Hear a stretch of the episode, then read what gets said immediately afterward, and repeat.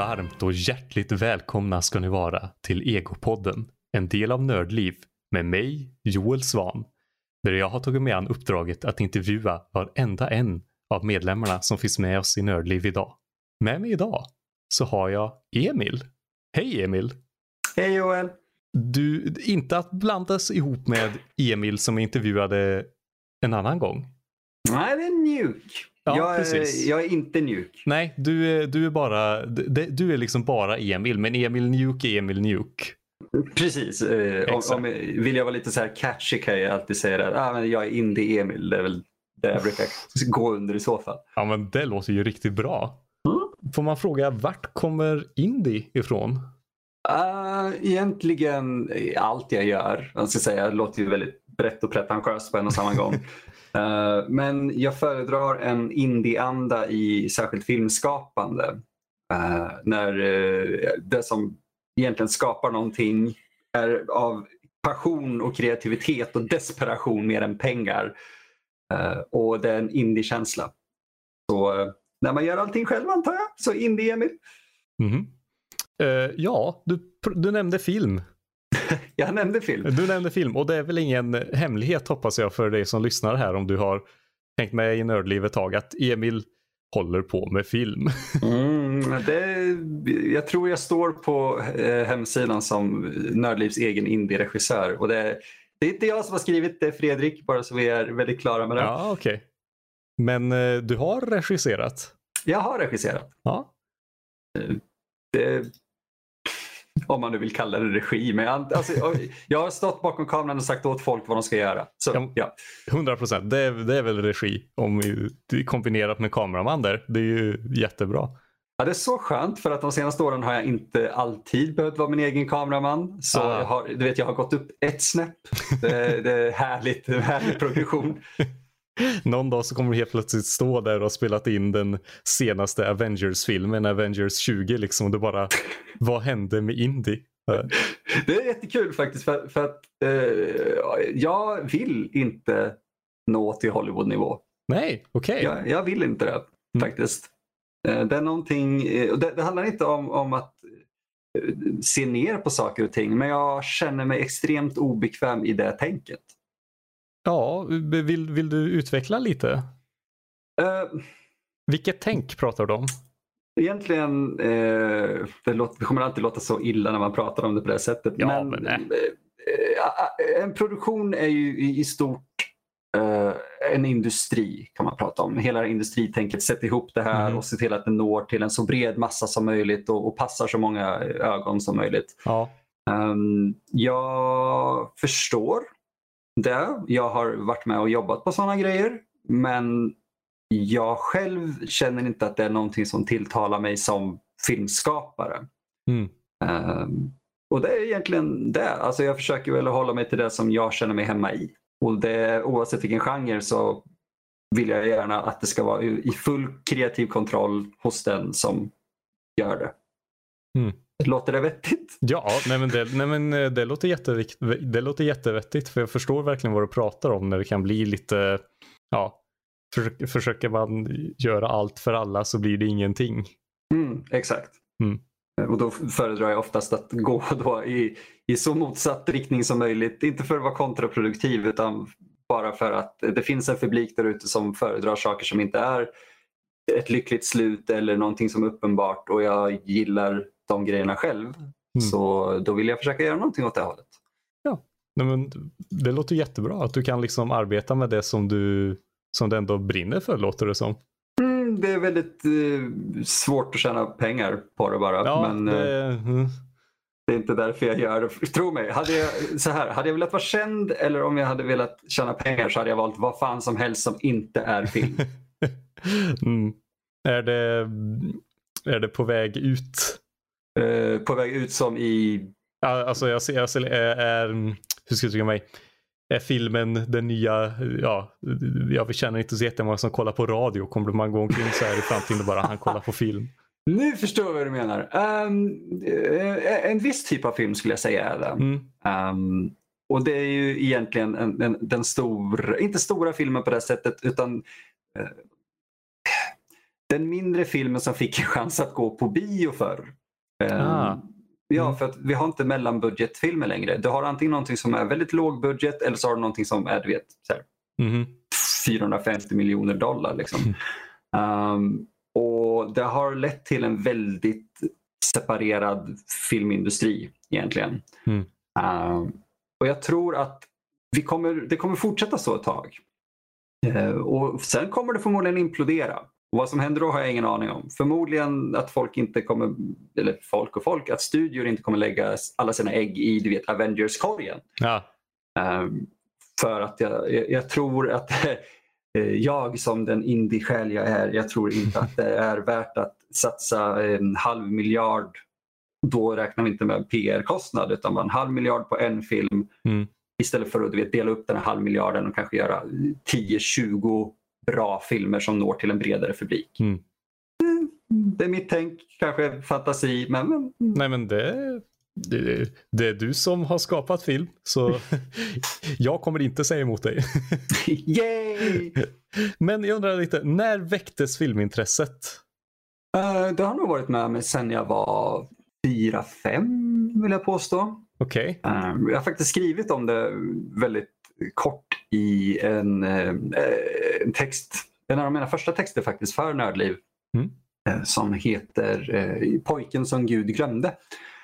Och handlar mycket om min relation till skräckgenren. För det var självklart så såg jag du vet, Indiana Jones och sånt där och det var ju magiskt. Eh, men skräck satte klorna i mig på ett sätt, alltså jag blev livrädd när jag såg eh, faktiskt Besökarna, den svenska skräckfilmen från typ 89 eller någonting. Mm. Eh, och eh, slutscenen där gav mig sådana fruktansvärda mardrömmar som barn. Eh, att jag på något vis, du vet det här chasing the great big dragon. Eh, jag är alltid ute efter min nästa kick. Ah, Och det var, ja. det var min absolut första kick faktiskt. Och sen dess har jag väl, du vet, filmintresset finns där. Det är liksom, Ja. Du kan påverka någon via att visa dem något som inte sker i verkligheten. Mm. Eh, att fortfarande trigga, eh, skrev en krönika om det också tror jag, just det här med att trigga adrenalin i kroppen från eh, säkerheten i ditt eget hem är någonting jag tror att människan faktiskt behöver idag när vi inte är ute och springer och jagar och lever i livsfara ständigt. Mm. Så eh, jag tror det är just det som väckte filmintresset antar jag. Okej, vad är det för slutscen undrar jag? Eh, den är jättedålig. Ja okej, men, men Emil fyra år ser den här och blir livrädd. Ja, för eh, det slutar ju i princip med att eh, Kjell Bergqvist och hans barn är, i, är, fast i ett hus. Mm. Eh, i, ett, I ett specifikt rum där och de har en, en poltergeist typ eller en demon som härjar i huset och han måste upp på vinden, Kjell Bergqvist, för att besegra den med, med en maskin. Och han klättrar upp på det här taket mitt i natten och du vet, och det regnar har jag för mig, Oscar och det här klassiska. Eh, och, och musiken är så intensiv och barnen, jag var ju du vet i samma ålder och var ju livrädd för det. Och sen så faller Bergqvist upp och ner och typ hänger i taket och han ser ett vitt ljus som kommer emot honom. Han skriker till barnen att så här, sätt i eller tryck på knappen eller någonting så att han ska kunna besegra den här demonen. Och ljuset bara kommer närmare. Och sen så visar det sig att ljuset är typ en gammal man i smink.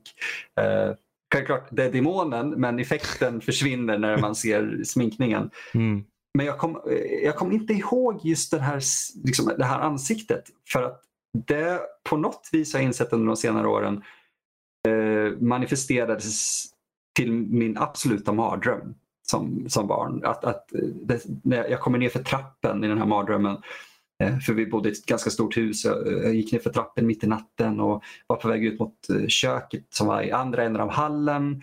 Och i ryggen har jag du vet, ytterdörren och när jag eh, försöker ropa på mina föräldrar bara för att du vet så här, hej jag kommer här, så hör de inte.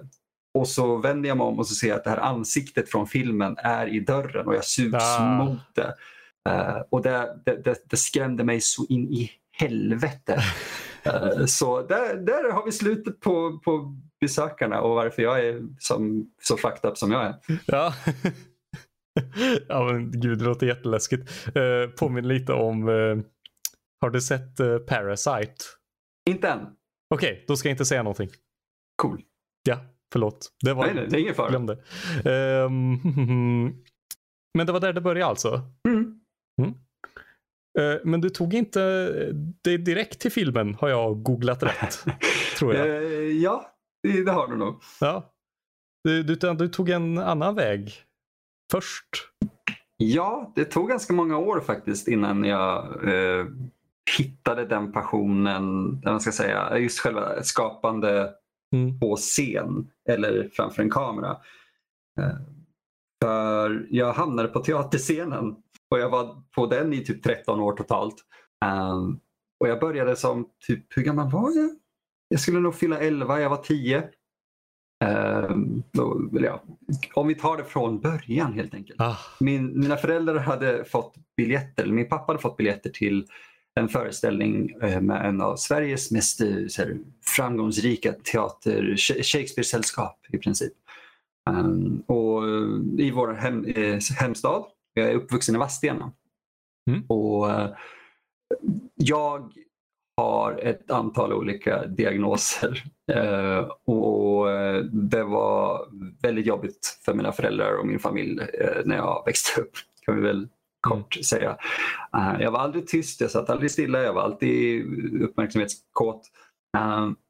Och så att ta med ett sånt barn på en teater, det, det måste ha varit, jag, jag förstår inte vad de tänkte. Eh, men vad som skedde var att jag satt stilla i tre timmar längst fram och tittade på den här uh, Att tukta en armbigga var det. Eh, hur gammal var du? jag var nio då. Jag skulle fylla tio men jag var nio då. Och jag, jag, jag bara satt och glodde och jag var på den föreställningen typ fem eller sex gånger till. Och jag kan inte beskriva vad det var som hände i mig men jag helt plötsligt hittade ett lugn. Mm. Uh, jag har aldrig någonsin, alltså jag har tagit de flesta mediciner och jag har provat en hel del andra substitut och sånt där för att hitta det här lugnet men ingenting slår teater och, och film på det sättet. Det blir som en drog. Uh, och året efter var jag på scen med den här ensemblen. Uh, och ja, får man fråga vilken ensemble det var? den heter Shakespeare på gräsgården. Okej. Eh, ja, så det, de är väl ett, en av de få, eller om de är kanske den längsta Shakespeare-teatern i Sverige tror jag. Mm. Um, så där lärde jag mig i princip allt jag kan. Mm. Eh, och det var fascinerande. Alltså, jag, det där, jag växte upp med det på det sättet att det, det är i mitt blod. Eh, att när jag läser en, en Shakespeare-text särskilt så kan jag, jag kan inte läsa en Shakespeare-text rakt upp och ner längre utan att vet, lägga märke till så här versfötter och versmått och Mm. allting och bara oh, undrar vad, vad som händer här egentligen. För Shakespeare saknar ofta scenbeskrivningar för att allting står i texten. Vet du hur du ska läsa det så ser du exakt vad som sker på scenen, inte bara i replikerna. Mm. Eh, och ja, jag vet inte, jag höll på med det fram till 2013 tror jag, till och från. Um, sen blev det lite den här, jag behöver tjäna pengar och jag Mm. Fick inga pengar från teatern så Ja. eh, nej. Och då började du med indiefilm som du tidigare sa att det inte finns några pengar i alls. Nej. Exakt! Eh, jag hade väl försökt, eller försökt, vi hade faktiskt gjort ett par, de tror inte att du hade sett. Eh, vi eh, gjorde ett par kortfilmer med du vet, vi så här sket en DV-kamera tror jag från 2004-2005. Mhm. Eh, vi filmade en kortfilm som jag tror finns på eh, Youtube fortfarande under mitt gamla Youtube-konto. Eh, filmen heter Nattvarden. Eh, och en väldigt, eh, den var inte gjord för att du vet, så här, trigga eller vara kontroversiell eller så här, anti någonting. Mm. Utan vi, vi tog bara och tolkade nattvarden väldigt bokstavligt. Alltså drick Jesus kött eller Ja, blod äta kropp, kött. dricka blod. Precis, men vi gjorde det med lite mer klass än trauma om man säger så. Så att den är mycket mer konstnärlig än gore. Mm. Um, det är fortfarande så här, jag, jag vill göra den igen med budget. så vi får se. Men det var första filmen som är värd att nämna i alla fall, som vi gjorde. Eh, Jag, jag tycker den låter väldigt intressant. Tack så mycket. Det Det, ja, inte bra, men det är intressant. ja, nej, men jag har själv kyrklig bakgrund liksom, så det är alltid kul när Mm. folk tolkar sådana saker. Oavsett hur de gör det så tycker jag alltid det är kul att tolka. Ja, Eller att se tolkningarna. Det, det, är lite kul för jag har faktiskt en kristen bakgrund. Har jag uh, egentligen. Jag är inte troende alls längre men jag berättade mycket historier i det som kallades för kyrkans barntimmar en gång i mm. tiden. Mm. Du vet mycket bibliska historier sånt där, som jag tyckte var och fortfarande tycker är fascinerande. Så jag berättade dem med hjälp av dockor och grejer för andra barn. uh, och ja, jag antar att det där berättandet fanns med även då. Så, ja. mm. Behovet av att berätta. Ja, nej men det, det kan jag verkligen uh, känna igen. Uh, mamma har sagt uh, någon gång så att ja, första gången jag hörde dig läsa blev jag så stolt Joel för du läste med inlevelse. Och då så här, ja. Oh, coolt! Tack mamma. eller hur? Det är så nästan bästa grejen man kan få höra ändå. Ja, eller hur? Ja, bara mamma blir nöjd så. Åh oh, gud, då har jag gjort fel i livet. Åh oh, nej. Eh, Troma nämndes lite snabbt. Mm. Vad, vad, och, och, om man går in på din Facebook-sida så står det liksom så stort så här, Troma Now allra högst upp. Vad är Troma? Uh, Troma är ett indiebolag kan man säga. Världens äldsta uh, indiefilmsbolag. De är uh, grundade i New York och ligger fortfarande kvar där. De flesta som vi håller på med film flyttar västerut eh, och vidare till Los Angeles. Mm. Men Troma har alltid hållit sig i New York och kommer nog fortsätta göra eh, så. Eh, och de för, för ett skräckfan som gillar mycket blod, splatter och egentligen naket och sånt där så var det en, en dröm att få tag på deras filmer som, ja, du vet det här var innan nedladdning och allting var så tillgängligt antar jag som det är nu. Mm. Um, så när man väl hittade en VHS eller någonting med, med de filmerna så bara, fuck yes, vi har fått en ny Troma-film och de kunde suga. Många, alltså 80-90% av deras filmer suger. Uh, eller av deras bibliotek för de köpte in väldigt mycket grejer. Um, men vi blev fascinerade, särskilt jag tror jag, för att det var vet, den här känslan av att de här gick bara ut och gjorde en film. Vi kan mm. också göra det här. Uh, så jag fick en, uh, jag skrev ett långt brev till uh, ansiktet utåt, Lloyd Kaufman, när jag var 14-15. Mm. Uh, och jag fick faktiskt tillbaka en promo-DVD för deras kommande film Poltergeist då. Och, eller Poltergeist heter den nog. Och sen ett signerat foto med här, hans det är med Trey Parker och Matt Stone för jag skrev, jag, jag visste inte du vet att man hade färdiga bilder. Mm. Så jag bad honom om, kan du och typ Trey Parker och Matt Stone ta en bild tillsammans och skicka den till mig. Uh, och jag vet att han läste det, för bilden är inte på Lloyd som det brukar vara. Mm. Utan det är på Trey Parker och Matt Stone. Uh, och så står det från Treys mun, uh, Lloyd and Emil are so cool. Och sen signerat Lloyd Kaufman. Nej men what? Det här är ja. skithäftigt. Alltså det var, det var så weird. För du vet, det där hade påverkat mig och sen typ ett halvår senare efter att jag skickat mitt brev och typ uh -huh. glömt bort det så får jag hem ett stort kuvert och min pappa typ ger det till mig och bara du, jag tror du har fått någonting här. uh, och så var det det. Och det var typ det coolaste i hela mitt jävla liv. ja, um, det coolaste för mig också. Nej, men, alltså, jag sitter och gapar här borta. What? Det blir bättre om jag säger så. Jaha. Uh, för att, ja, men det, jag, jag, var väl, säg 15. Mm. Och för två år sedan, du vet, för drömmen blev lite så här, jag ska få en film fucking distribuerad av Troma. Jag bryr mig mm. inte om någonting annat. Uh, det, det, du vet, det där följer ur lite. Det fanns andra saker i livet som var viktigare. Men det fanns mm. alltid kvar. att uh, Jag vill fortfarande få en film distribuerad av dem. Uh, för att de påverkade mitt liv så mycket och så. Um, och Vi kommer säkert prata om det mer ingående sen. Men, men vi gjorde två, tre kortfilmer för ett par år sedan. Varav en jag skickade till Tromas egna festival som heter Trauma Dance. Och det vet jag, jag hoppades på det bästa och tänkte att det är ingen som kommer se det där. ingen som bryr sig. Mm. Um, jag fick ett mail. Din film är godkänd uh, för festivalen. Bara, oh fuck, ja okej, okay. det var weird. uh, sen typ efter, en vecka efter festivalen får jag ett mail. Jag får två mail.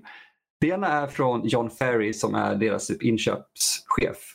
Mm. Uh, och han sa, ja, vi hade lite problem på festivalen och, och sådär med ljud och eh, din film var en av de som drabbades. Vi Ja. känner oss fruktansvärda eh, Mm. för det.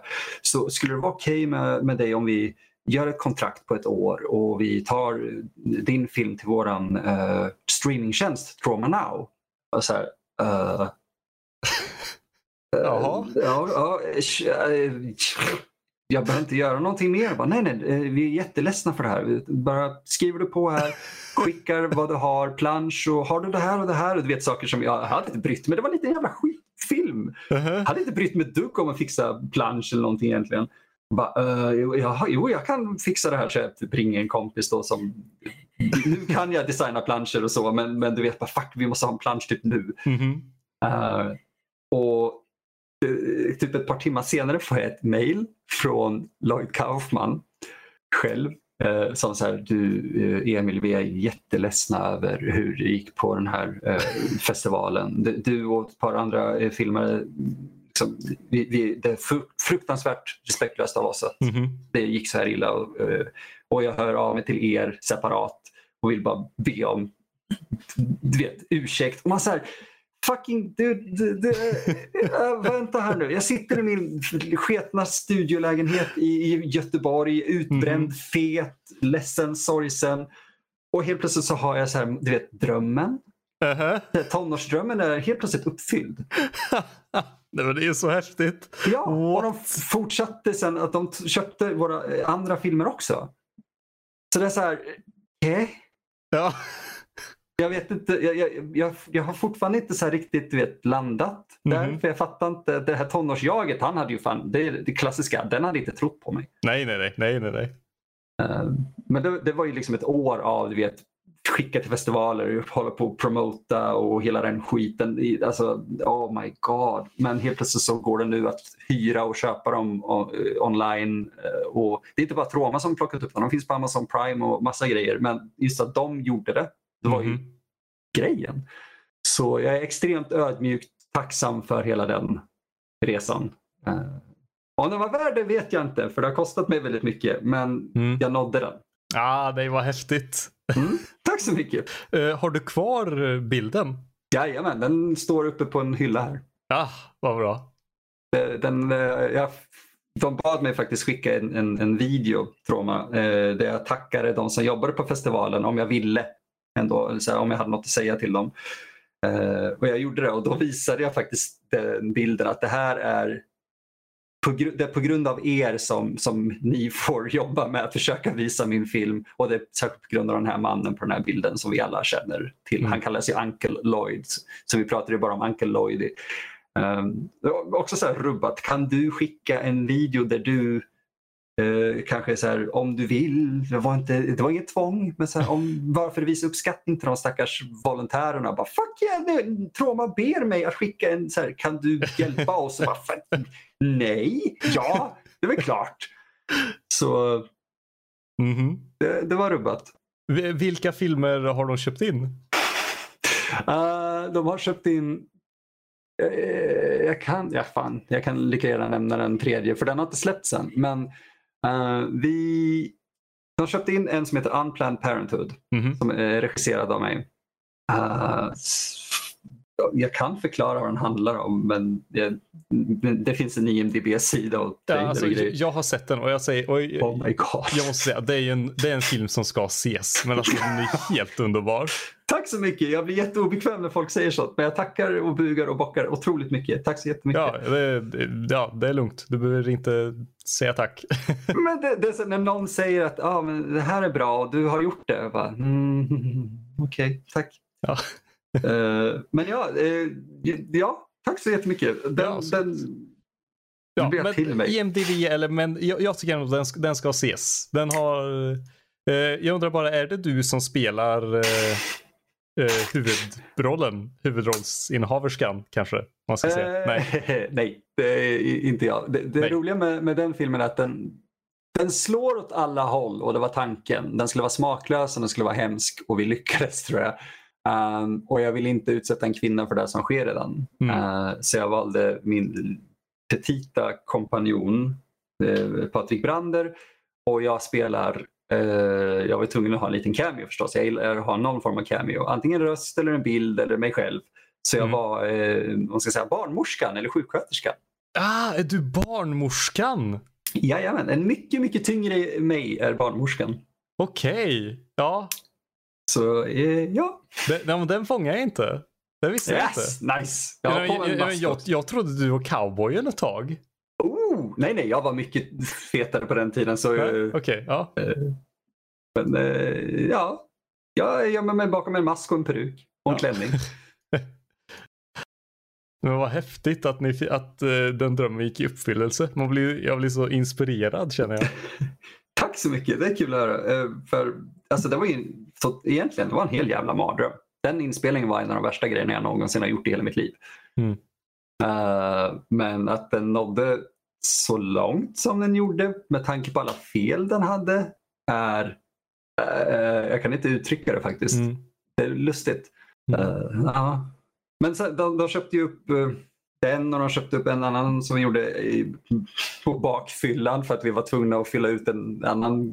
Vi kommer komma till det och varför tror jag. Men Mm. de köpte upp tre filmer. Den ena är Unplanned, den andra är, heter Obsessed vilket är en kombination av eh, Autopsy och Obsessed. Eh, ni kan ju säkert räkna ut vad typ den handlar om. Um, och sen gjorde vi en film där jag agerade, typ, jag skådis och delvis typ producent och jag tog över som PR-ansvarig och sådär. Eh, som heter Swedish Horse Movie. Som är ett diskbänksdrama om otrohet och eh, ja, hur säger man helt enkelt? Eh, kommer inte ihåg. Tidelag! Ja, ja, okej. Ja. Eh, det är lite spoiler kanske men inte heller, det kommer väldigt tidigt i, i filmen så att det är inte det den handlar om. Och den är mycket mer seriös och, och har en ton som vi ville åt och vi lyckades naila den tonen så bra. Mm. Eh, och vi önskar egentligen bara att vi hade haft en bättre budget och, och, och sådär för att den lider lite av att det är typ gjort för 2,50 eller ja, 1000 spänn tror jag att den kostar totalt. Alltså, det är så härligt att höra en person som skapar och att du håller på och säger att du är nöjd med saker. Det, det, det är weird, jag är aldrig nöjd. Men vet du varför jag tror jag kan vara nöjd med den? Nej? Jag är inte huvudansvarig. Aha, okej. Eh. Jag förstår. Jag, jag, jag är absolut inte nöjd med mina egna grejer. Men någonstans måste man ju också säga, okej, jag är nöjd med det här. Det måste ut nu. Mm. Eh, Men hästfilmen, som vi kallar den på svenska bara, är... Jag är nöjd med vad vi lyckades åstadkomma med den. Mm. Den blev bannad i Japan. Det är superkul. Ja, men, oj, applåd.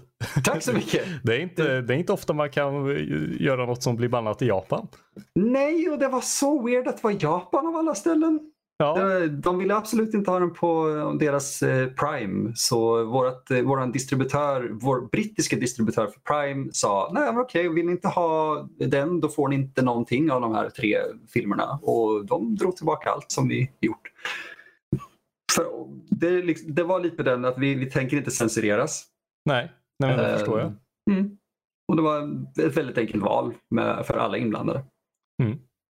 Mm.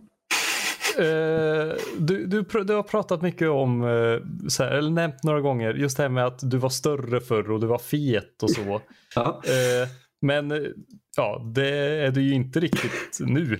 eller ja, det, nu när jag träffar dig och när du säger det så har jag liksom, ja, jag, jag har lite svårt att få ihop den bilden. Det är många som har haft har jag förstått. Ja. Eh, Jag började faktiskt på Nördliv som, eh, låt oss säga då, kraftigt överviktig. Okej. Eh, Det var intressant. Men jag vägde 127, 128 som Oh. högst, tyngst, tyngst Mm. tror jag. Ja. Och det, det berodde väldigt mycket på mycket kriser i livet. Mm. Ehm, och mycket mental hälsa som gick åt fanders. Uh, och jag hade ingen, alltså det var eh, 2016 tror jag så låste jag in mig i princip i mitt eget hem. Jag, jag klarade inte av att gå utanför dörren om jag inte du vet, var tvungen att gå och handla. Annars gick jag inte utanför dörren. Mm. Eh, och en sak ledde till en annan och jag blev väldigt stor. Jag har alltid varit stor. Eh, men då blev jag stor, verkligen. Mm. Och jag hade extremt lite kontroll över mitt liv under 2016, 17 Men i slutet av 17, runt november, alltså när jag fyllde tror jag. Så, nej, det var i december. Framåt december så skulle vi faktiskt spela in en, min första kortfilm på ett bra tag då. För jag hade sagt att nej, jag tänker aldrig någonsin göra en fucking film till. Det här var innan jag hade gjort Unplanned. Mm. Uh, och jag bara, nej, jag tänker aldrig göra en film till. Jag fucking vägrar det här. Det här ledde bara till sorg. Uh, jag vill inte. Och sen så uh, träffade jag ett par vänner som sa, ah, men du, du har ju skrivit och du har spelat och du har regisserat. Skulle du kunna tänka dig att göra en, en grej? Och du vet, som, jag kände mig som ett skadeskjutet djur verkligen. Uh, och så här, jag, jag, ville fly men jag kände också att jag kunde inte. Mm. på något vis. Så jag gjorde en kortfilm då som finns på Youtube och ser tillgänglig gratis och den heter bara Kaffe. Så söker man mitt namn och Kaffe så dyker en, en komisk icke-blodig film upp. Uh, och då på de bilderna från den inspelningen så ser jag hur stor jag var och jag var tvungen att klä mig för att känna mig bekväm. Uh, och från och med den dagen, mm. egentligen den inspelningsdagen där, så bestämde jag mig helt enkelt för att det enda jag kunde ta kontroll över var min vikt. För min psykiska hälsa den är, den är bättre än vad den har varit. Mm. Men den var fortfarande körd i botten då. Jag kunde inte kontrollera. Alltså jag fick blackouts. Kunde befinna mig, du vet, jag kunde vara hemma, sen fick jag en blackout och kunde befinna mig på andra sidan stan. Eh, utan att veta hur det gick till.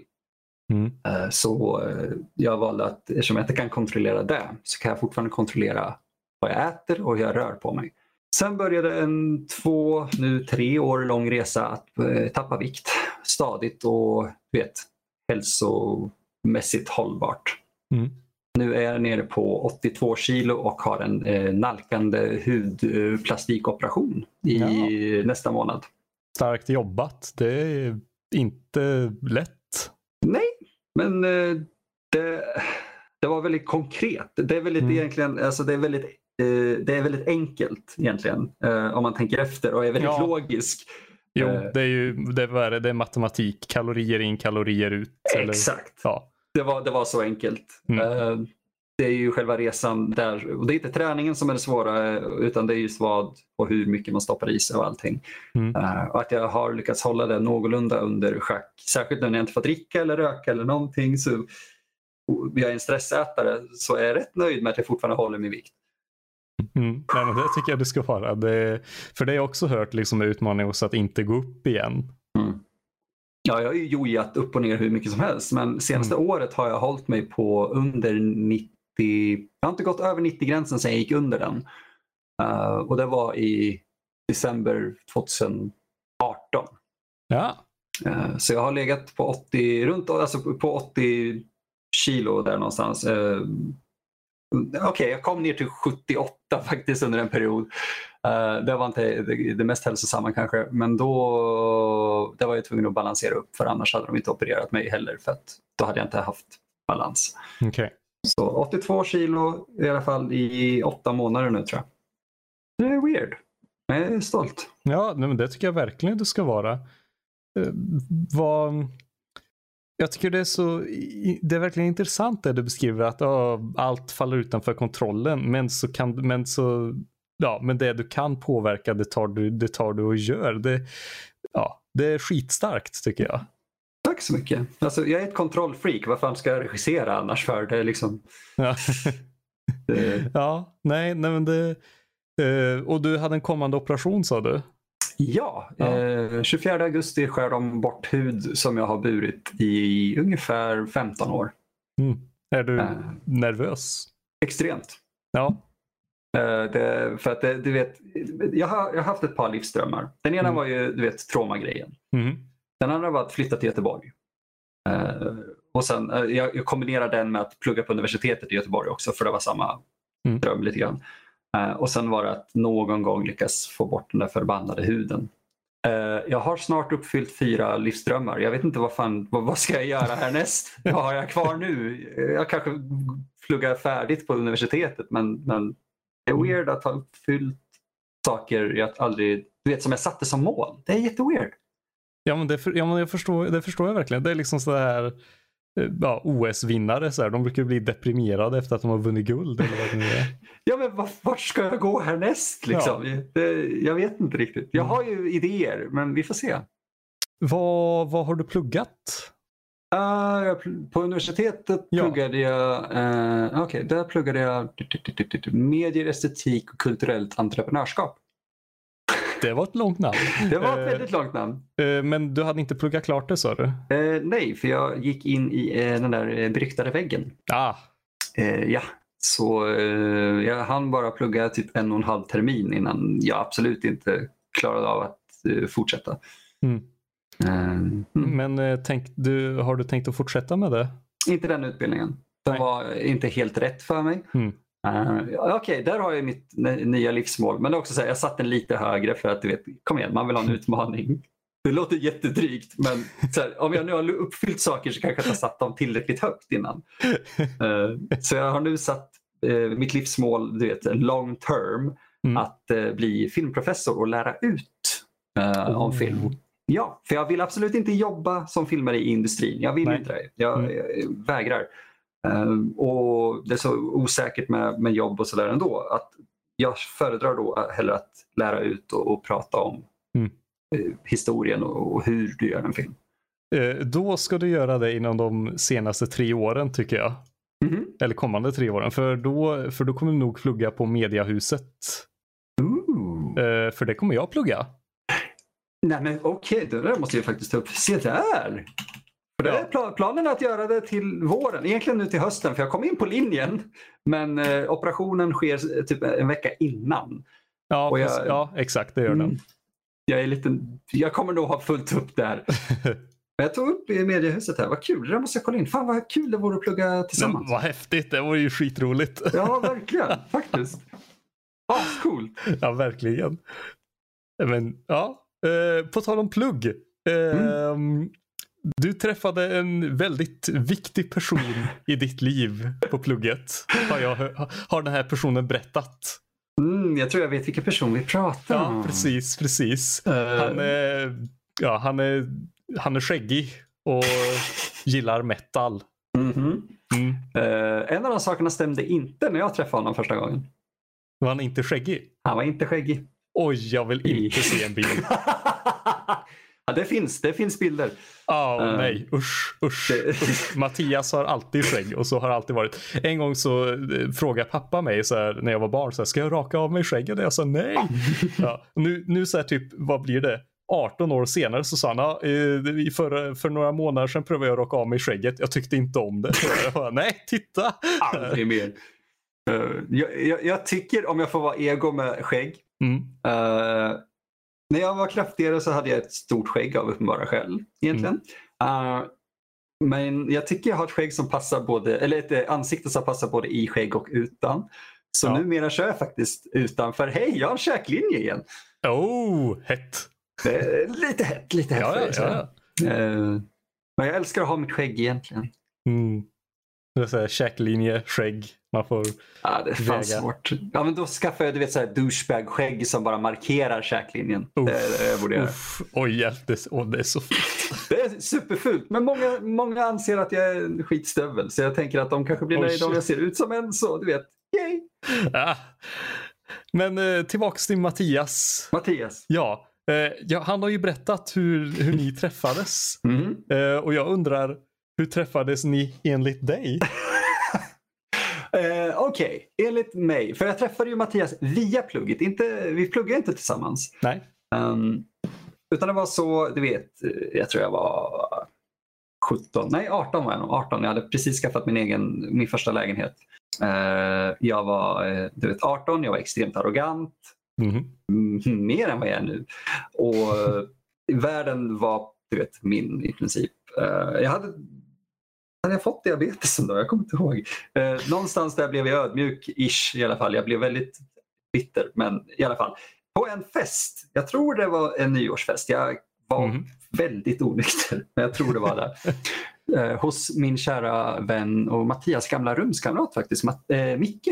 Eh, så eh, ja, dök det helt plötsligt upp en skägglös långhårig man med metaltröja och jag sa den här snubben ser rätt intressant ut. Men du vet, jag hängde med Micke och du vet, bröla och vi hade kul. Sen började Matte hänga där också. Jag sa bara, vad, vad, fan, vad, vad är du för någonting? Vad vill du med mig och Micke? För att jag och Micke var, du vet, de tajtaste av tajta Mm. då. Mm. Eh, och helt Han var ett började, hot. ja, men det blev lite där tror jag. Jag vill Ja. minnas att det var så. Eh, eller mer kanske reserverad för vem är det här som verkar ha haft en nära relation med min Micke. Och det visar sig helt plötsligt för att mm, mm, eh, Micke hade nämnt matte. Lite så här, du vet, ja, men han gillar den här typen av film också. Så du vet, jag, jag kunde inte bli allt för arg för jag var ju nyfiken. Eh, och han och jag började prata. Jag minns seriöst inte vart vi satt. Jag minns inte om vad. Men han, jag vet att han brände ett hål i min gröna skjorta med en cigarett. Eh, av misstag för att vi var så fulla att han, du vet, hade, han satt med en cigarett i vänstra armen tror jag det var. Och vi satt ute på balkongen. Vi snackade. Jag, jag har det på tunga vilken film det var men det är irrelevant. Eh, och hans hand och hela arm så här, du vet, slentrianmässigt landar hos mig för att vi är så fulla att vi faktiskt inte du vet, kan hålla lemmarna i styr. Mhm. Och jag minns bara att jag kände så här, det där, är, det där gör ont och jag vet inte vad. Och så tittar jag ner och då har han bränt igenom skjortan Ah. in i jeansen på mig. Uh. Men är det inte så alla så här, nära vänskaper behöver börja? Någon behöver brinna med en cigg. Någon ska brännas med en cigg, det är så man grundar Ja. lång och trogen vänskap. Ta, ta till er där barn. Ehm, och jag, jag kände på något vis att nej, men den här kvällen, det här året är alldeles för eh, det är för ungt. Jag måste ta med mig den här icke-skäggiga lurven med mig hem. Uh, vill jag Mm. fråga väl egentligen så okej jag vill fortsätta prata med dig och jag har massa skit hemma vi kan titta på om det är så. Vill du följa med mig hem? Jag hade, ingen, jag hade aldrig träffat snubben innan. Jag visste, han kunde lika gärna varit en yxmördare vad, vad, jag vet. Eh, men han fick följa med mig hem. Det var en lång väg hem. Eh, den tog säkert tre gånger så lång tid som den borde gjort. Och Mhm. vi kommer hem aströtta och du vet, fyllan är inte lika kul längre. Jag har börjat nyktra till men matte är i, i sämre skick. Så jag lägger honom i min väldigt trasiga nedsuttna eh, soffa som jag hade. Mhm. Och jag, jag såg på det där jävla aset att han höll på att spy. Eh, och jag, jag ger mig fan på att han har liksom berättat det här. För att jag, jag såg på honom och jag sa okej, vill du ha en hink? Nej. Jag ställer en hink nedanför dig. Spy i den om du måste spy. Sen la jag mig och spelade gitarr i typ eh, en kvart eller någonting. Och så, så, han säger någonstans mitt under det här, jag vet inte varför jag kommer ihåg det här så tydligt, men han säger någonstans att det här är jättefint. Och jag spelar någon melodi. Som, du vet, jag hade precis försökt att lära mig spela gitarr för Mhm. 51 gången. Och så hör jag rakt ner i hinken. Jag satte det. Jag visste att den fan skulle spy. Så han spydde rakt ner i hinken. Eh, inte på min matta. Han brukar säga att han spydde på min matta. Ja. Men jag... Ta, sa han det? Ja, han sa att han spydde på din matta. Det Nej. här... Jag var rädd att han skulle göra det, men han spydde rakt ner i hinken. Kanske på soffan också. Vem vet, den soffan kastades ut från balkongen ett par år senare. Så, eh, så träffades jag och Matte första gången. Ja, alltså det är nästan värt en applåder. Nu får man liksom en, så här, en helt komplett bild. Eh, Två perspektiv på samma historia. Ja, Det- vad roligt. Jag hade velat ha en tredje part faktiskt som, som berättar hela den grejen. För jag, vet inte, jag minns inte festen alls. Nej, vi, vi, ve- vem är Micke? Kan vi få med honom i Nördliv? Eh, inte nördlig möjligtvis, men vi kan nog få hans vision eller hans version av det här. Det hade varit kul. Herrejävlar. Det var, det var många år sedan. Det var Ja. 12 år sedan. Oj, nej, alltså, jag skrattar så mycket så jag har nästan lite tårar i ögonen. Så. Det var väldigt kul. Underbart. Ja, men jag var så beredd på att han skulle spy på mattan och det förberedde sig med hinken och allting men så spyr han i hinken. Jag bara, va? Det är förmodligen tekniskt sett en bättre historia egentligen om man spyr på mattan. Men Mm. jag, jag, jag ville verkligen inte det för min, den, jag tror det var min farmors gamla matta. Oj, Eh, ja. Ja, och jag har kvar den faktiskt. Och jag ville inte att han skulle spy på den så jag la hinken, ställde hinken på det stället jag tänkte det kommer i alla fall mest träffa här i. Mhm. Eh, Så det var förmodligen soffan och om inte jag var smart nog att lägga ut en fucking frottéhandduk, jag tror inte det. men, men det var i, eh, i hinken merparten kom i alla fall. Det, det sätter jag allt jag har på. Yes, yes. Eh, vi, vi får köra. Jag ska prata med honom om det sen. Jag vill ha en debatt special när vi Debattspecial. debatterar om det. det eh, överraskningsvittnet är mattan själv. Oh. Jag ser, det finns inga spyfläckar på den, ergo du spydde inte på min matta din jävel. Nej, precis, precis. Det är ju faktiskt en teknisk... Jag skulle ju kunna gå över den och se det men eh, jag är övertygad. Det finns Mm, ingen nej, slöja på nej. det. Det, det är bra, du är självsäker. Ja, gud ja. Ja. Återigen, annars ska jag inte regissera. Ehm, vad har du gjort? I, alltså hur, hur regisserar du? För, eh, eh, ja, eller vad brukar du, vad är din regissörserfarenhet? Um, den är svår att Mm. svara på. Um, jag är inte en jättebra regissör. Det har jag faktiskt pratat med Matte om. Um, jag lär mig fortfarande. Väldigt, eh, fortsätter man väl alltid göra. Men min... Uh, kommer låta halvpretentiöst men vi hade ett samtal jag i, Lisa en som jag jobbar väldigt mycket med och hänger typ med hela tiden. Vi- Folk vet om vem hon är. Eh, hon och jag diskuterade eh, lite en regissörsroll och vi kom in på eh, att man kan vara en director eller en director, lite humoristiskt eh, sagt sett. Och jag gillar inte att säga åt folk vad de ska göra. Mm. Men jag vill gärna se, för att vi har, vi, skiten man gör utgår ifrån samma manus. Manuset har gett mig en vision, manuset har gett skådespelarna en vision. Eh, jag vill att de går iväg och läser på egen hand. Alltså min regi börjar tidigt om man säger så. Jag vill Mm. att eh, mitt prepparbete börjar redan med, med skådespelarna, att de får läsa sina manus. Det här låter ju så dumt egentligen. Alla som har erfarenhet av det här kommer ju bara, det är väl klart man gör. Bara, ja, men vissa, för vissa är det inte det. Mm. Eh, utan läs manusen. Jag vill ha deras tolkningar och versioner. Jag säger ingenting om mina bilder. Utan jag vill se vad de får ut ifrån manuset om sina karaktärer. Mm. Eh, sen så träffas vi ett par gånger och du vet, jag, då börjar vi diskutera och utveckla tillsammans. För jag hatar regissörer som säger nej, det ska vara så här.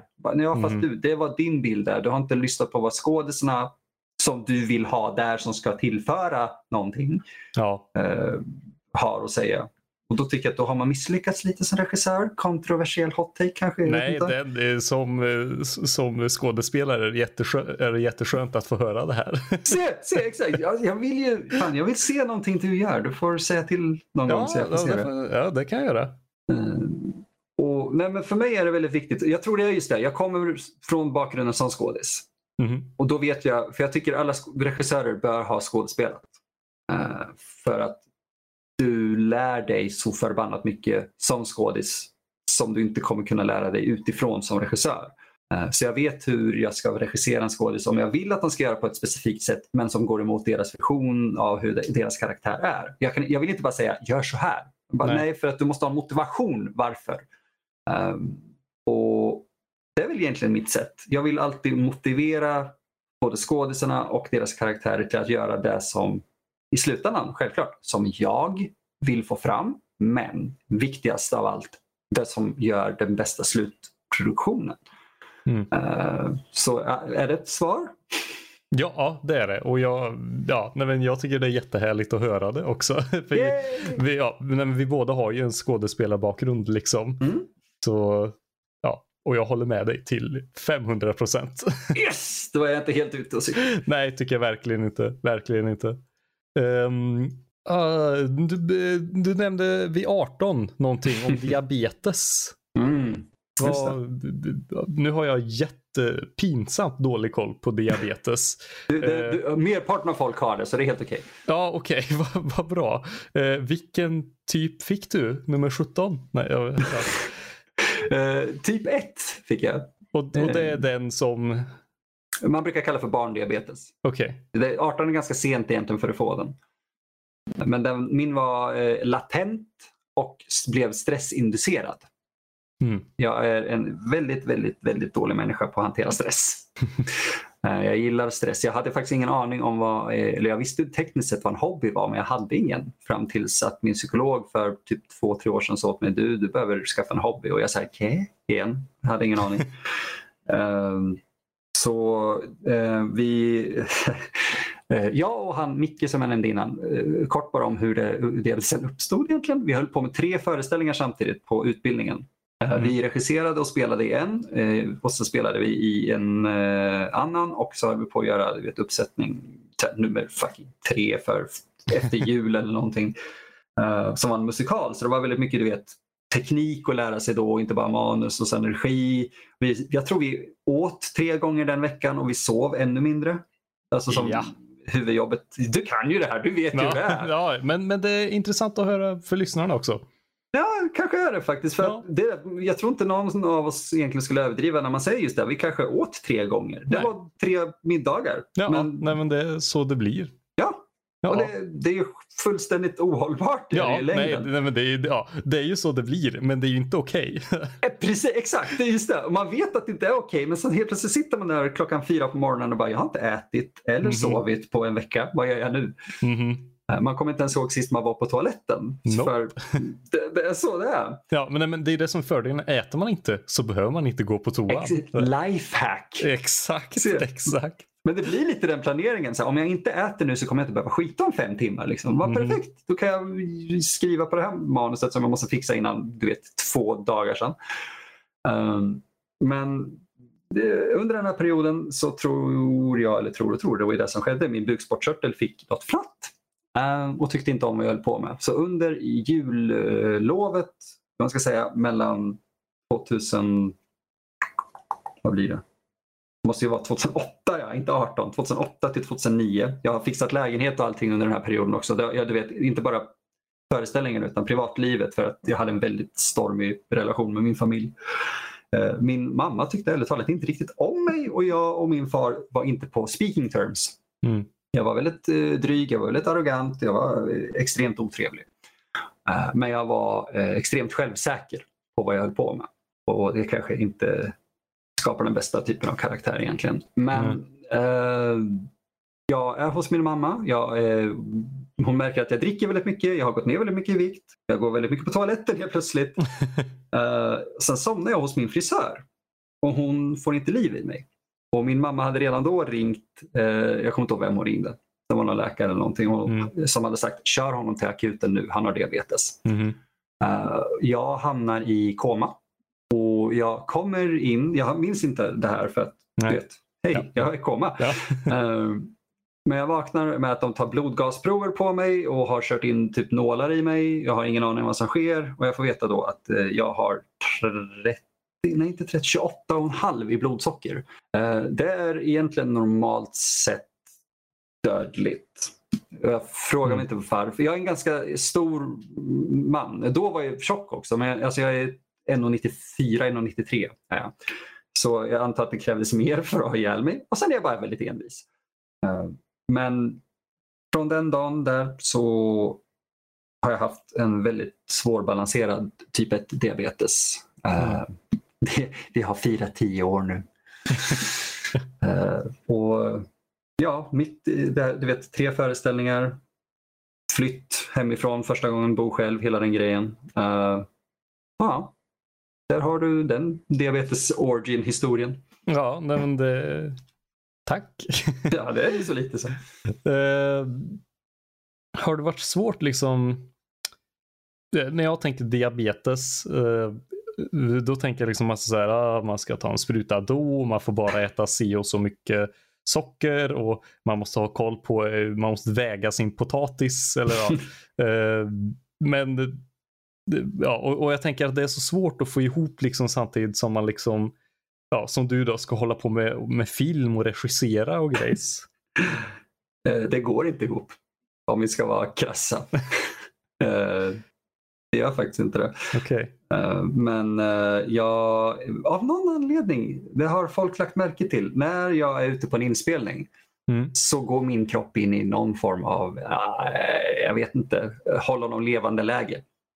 Mm. Eh, Jag antar att det är stress och adrenalin, du vet, bra stress vill jag bara understryka då. Yes. Eh, och adrenalin eh, skickar, alltså, för levern är ju fantastisk som den är och sådär. Så om jag håller på att springa runt vet, på set eller på en scen eller någonting så då tappar jag blodsocker. Men eh, på grund av adrenalinet så skjuts, tror jag, eh, jag vet inte riktigt hur det funkar, men levern skjuter ut glukos för att komma igång. För att skicka igång kroppen om den blir trött och sådär. Eh, och glukos är helt enkelt socker. Så när jag tappar blodsocker och jag blir stressad så skjuter levern till det. Så jag tror att det är en berg och dalbana som håller mig vid liv under en inspelning. Uh, återigen, inte hållbart, men jag är ofta bara på en inspelning som längst en vecka. Mm. Så eh, det brukar funka.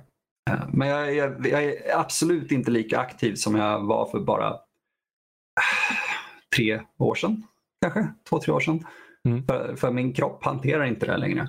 Okej. Eh, och jag måste ju lyssna på den i slutändan. Ja, det... Så jag har gått över till att bli mer och mer av en författare. Så ja, Ja. Vad- Så- Men det låter ju ändå som en väldigt naturlig liksom, progression på något vis. Jag tycker det och samtidigt när jag då faktiskt säger att nu är jag ute och regisserar så blir det, nu är det, det låter ju större än vad det är, men då blir det lite där, åh, är väl ute och regisserar igen? Åh, men det måste vara någonting han tycker är intressant då. Nej, men vad spännande. Ah, Eh, mm. Så det är kul. Uh, och sen visar det sig alltid att ja, det är någon skitfilm som jag gör som ingen bryr sig om egentligen. Men det är så här, när, det, det betyder någonting för mig när jag faktiskt ger mig ut och regisserar om jag säger så. Mm. Då är det någonting jag verkligen vill berätta. Eh, författare. Eh, det man, ja, jag tänker på dina texter och så.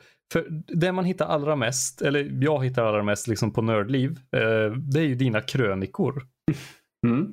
Hur, hur gör man det? För jag har suttit och velat på en krönika nu i typ, ja, hur länge har jag varit med i Nördliv? Ett år? Mm. Ett och ett halvt år snart och jag sitter här och bara, ja. Men det är ju också en bra början och så har jag liksom bara en massa jättebra one-liner början liksom och så kommer jag inte vidare. Alltså, eh, ja. Hur? Eh, alltså en bra öppning är alltid den svåraste delen att bestämma sig för. Okej. Man kan ha hela texten färdig men allt kan sabbas på grund av en dålig öppning. Eh, Alltså som man själv tycker är en dålig öppning eller bara någon som man inte vet vilken är det som är bäst. Um, Mm. Och jag, jag, ärligt talat, jag var tvungen att bläddra igenom lite av mina egna texter bara för att så här, vad har jag skrivit egentligen? Um, men jag tror, för mig är det väldigt viktigt med en, en, en nästan som en gut punch på något vis. Okej. Ehm, eh, det beror också på vad man skriver om förstås. Men, men det ska, jag gillar att göra en personlig koppling till eh, läsaren. Så jag Mm. kanske, eh, en av mina texter börjar med exempelvis det är inte svårt för mig att skriva. Det är så här, ah, men okej, jag pratar om vad jag håller på med. Eh, jag ser att jag har öppnat en annan av mina- texter på samma sätt också. Så jag kanske inte är så originell som jag tror. Men det handlar ofta om min personliga relation till varför den här texten skrivs. Okej. Eh, för om inte jag förklarar för, lite för mig själv och kort för författ eller för publiken eller läsarna varför jag skriver den, varför ska de fortsätta läsa den? Mm. Eh, en av mina krönikor är, jag tror den är typ 8 A4, A4 sidor lång, 7-8 A4 sidor lång och den, den var jag tvungen att du vet, summera och folk har läst färdigt den. Och allt beror ju på att det är en bra öppning antar jag. För vem fan läser vidare annars? Mm. Jag vet inte om det är ett bra tips. Alltså, ha en bra punchy öppning som du själv känner rättfärdigar varför den här texten finns och varför folk ska läsa den. Mm. Okej. Ja, tack. Det här, jag ska lyssna på det här några gånger och så kanske den äntligen föds fram. Jag, säger som jag alltid säger om allt jag lär ut. Eh, Jag har hållit ett fåtal föreläsningar och sådär och allt jag Mm. säger varje gång är det här är min sanning. Mm. Eh, Det betyder inte att det funkar för alla men det här har funkat så här långt för mig. Ja. Ja, men eh, något rätt måste det ändå vara. Om inte så är det ju liksom en till metod man kan checka av på listan och så Det- kan man gå vidare till nästa. Helt rätt, det är ett väldigt bra sätt att se det på faktiskt. Ja. Ch- Checka av det, se om det funkar. Gör det inte det, gå vidare till nästa grej. Ja. Eh, vi börjar närma oss eh, slutet, Emil. Bam, Ja, det har gått fort. ja, det har gått väldigt fort, men eh, ja, det, det är där vi är nu. Vi, vi börjar liksom närma oss. Ja, vi har suttit här och tjötat jättegött i en timme nu.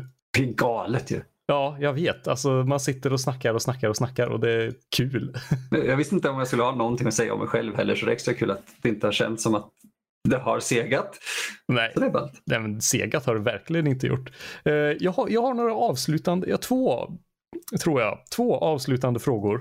Okej, jag ska fatta dem kort. Jag ska svara på dem kort. Nej, du får svara hur långt du vill. Ooh. Ehm, jag undrar lite, vilken är enligt dig den absolut bästa texten du har skrivit? Alltså om, om, om, om, de, om, om lyssnare nu har suttit och, och lyssnat här och bara, åh, men jag vill läsa en text av Emil. Vilken ska de läsa då?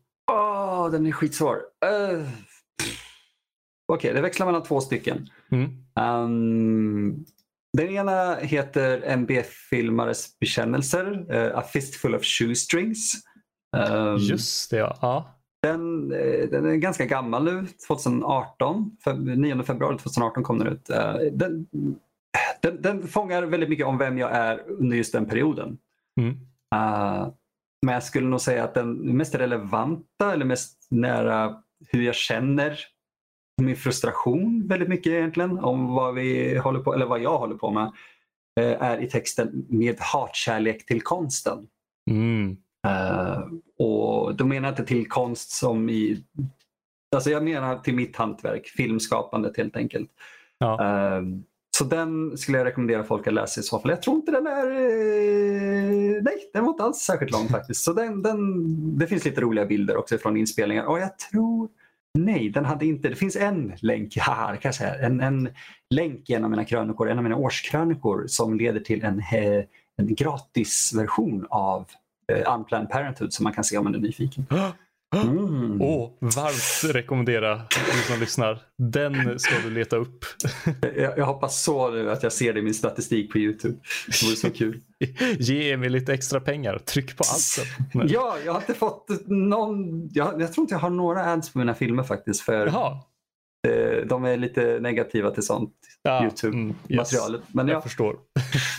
men med hatkärlek till konsten summerar vem jag är och varför jag gör eller inte gör det jag gör. Mm. Ja. Uh, ja, jag kollar igenom lite där men det är nog, det är nog dem. Ja. Förnu, förnuftigt rakbladstunt är också en bra krönika tycker jag men det, det är upp till folk att välja. uh, jag har en, och så jag en sista avslutande frågan. Uh, hur ser framtiden ut för ditt nörderi? Är det någonting som du vill sluta? Är det någonting som du vill börja med? Är det någonting du vill göra mer? Någonting du vill göra mindre? Uh, bra fråga. Alltså, uh, Om du liksom ska försöka uh, jag vet inte, spå, jag brukar säga spå, ta fram spåkulan men vi säger så här typ spå i tarmar eller något. Känns lite mer passande. Ah, det gillar jag. Det var så en liten eh, återkoppling faktiskt. ja, tackar, tackar. nej, på tal om tarmar, jag tror faktiskt att jag kommer jag vill ta det jag gör mer seriöst. Jag vill utveckla okay. mitt, mitt effektbyggande exempelvis. Då menar jag inte att jag ska göra du vet, bara diskbänksrealism utan jag menar att mm. ska jag göra tarmar så ska jag fan göra dem så bra jag kan. Mm. Um, men jag vill också... Alltså, nörderier utvecklar sig alltid. Det är mm. aldrig samma sak känner jag. jag. Jag spelade mycket förr, jag spelar en del nu men inte alls i närheten som jag gjorde en gång i tiden. Uh, jag tror jag vill ta mitt nörderi, precis som det här med filmprofessor-grejen, till en mer akademisk nivå. Okay. Uh, jag vill ta det jag gör på allvar. Jag vill mm. ta det jag älskar på allvar och jag vill att andra ska förstå det. Jag skiter i om de tar det på allvar. Jag vill bara att de ska förstå att det här är någonting jag gör för mig. Och om någon vill lyssna på mitt dravel, om jag lär ut, so be it. Uh, men jag tror ta få mig själv kanske att ta saker och ting mer på allvar som har med mitt nörderi att göra. Okej. Okay. Mm. Mm. Vad bra. Jag, jag, är alltid så glad för jag är så orolig att någon ska säga att jag hoppas kunna hoppa av nördliv snart. För den sista frågan. Men mm. än så länge har ingen sagt det. Nej, alltså det, det, det, finns inte på kartan. Nej, vad bra. inte, alltså, Kultpodden drar igång igen i september. Eh, jag och Fredrik eh, avslutar ju våran eh, liveshow nästa vecka faktiskt. För Nej, tar den slut? Den tar slut. Då. Det var en liten testperiod. Okay. Men vi har haft väldigt bra respons. Så lite baserat på vad som händer i livet och sådär så får vi se. Vi kommer komma tillbaka på ett sätt eller annat men vi ja. vet inte när än. Nej, uh, jag, jag, hoppas ju bara kunna få se mer av eller just det här att du plågar Fredrik att göra mat. Han är den som har gett mig sämst grejer hittills och jag älskar att han har gjort det faktiskt. För han vill bara att jag ska ha bra eh, saker och sen fick han mig hälla i chips i müsli och det var typ det äckligaste jag ätit på oh. hur lång tid som helst.